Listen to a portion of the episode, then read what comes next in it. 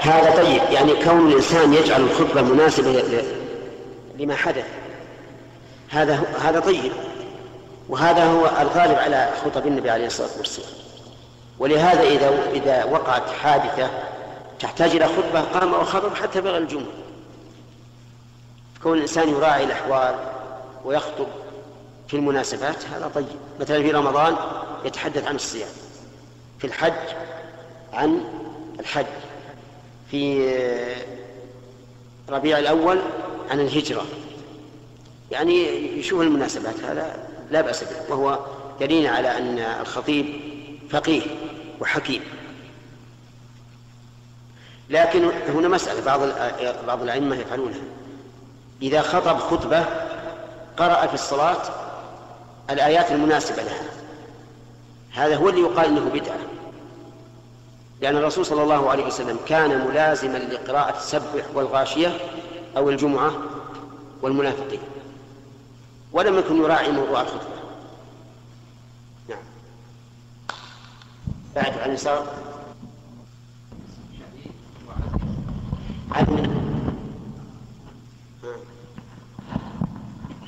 أما عزيز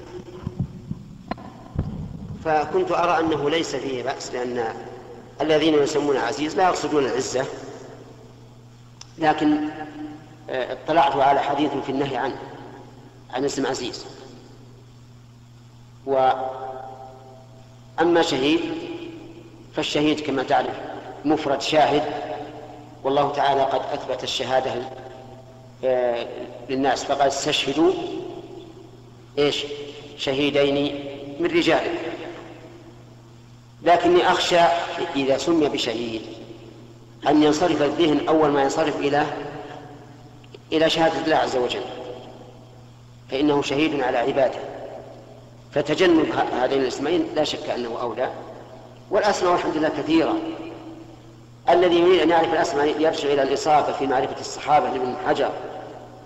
وعنده اسم عبد الله بالمئات. يعني تضيق على الإنسان أن يأتي بمثل هذه الأشياء وهو من النصب الآن. الآن الناس يدورون أي شيء شاذ يسمون به. نعم. حتى يسمون أفنان وأظن أيضا أغصان. نعم. وما أشبه ذلك. واحد سمى ولده نكتة. قال هذا موجود في القرآن. أرسل معنا أخانا نكتل. فظنوا أن نكتل بدل من أخانا. وهي نكتل هذه فعل المضارع مجزوم. لكن الجهل.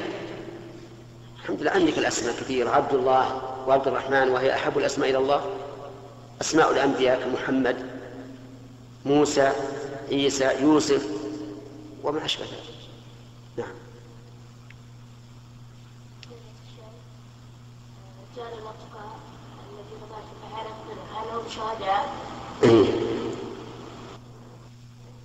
نعم. أولا نقول كل من مات بحريق وهو مسلم فإنه من الشهداء. لأن النبي صلى الله عليه وسلم قال الحريق شهيد. لكن ما نقول فلان شهيد لأنه مات بالحرق. ما ندري. لكن على سبيل العموم نقول كل من مات بالحريق فإنه شهيد.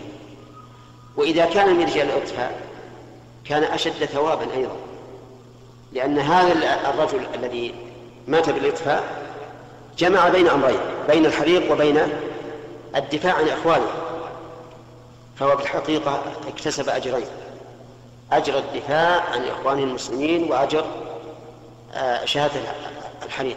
لكن لا لا لاحظ أننا لا نشهد لشخص بعينه يعني مثلا الإنسان احترق أمامنا أحرقته النار أمامنا نقول الحريق شهيد. لكن ما نقول هذا الرجل شهيد. وقد ترجم البخاري رحمه الله في صحيحه لهذه المسألة وقال باب لا يقال فلان شهيد.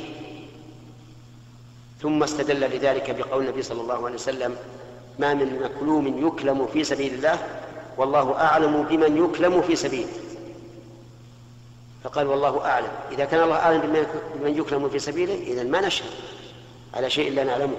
لكن نقول على العموم من قتل في سبيل الله فهو فهو شهيد. فيفرق بين العموم وبين الخصوص. وبحلول أذان الظهر ينتهي هذا المجلس وإلى اللقاء في المجلس القادم إن شاء الله.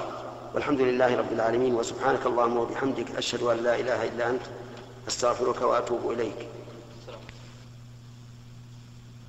أيها الأحبة يسعدنا أن نكمل ما تبقى من هذا الشريط بهذه المادة. أعوذ بالله من الشيطان الرجيم.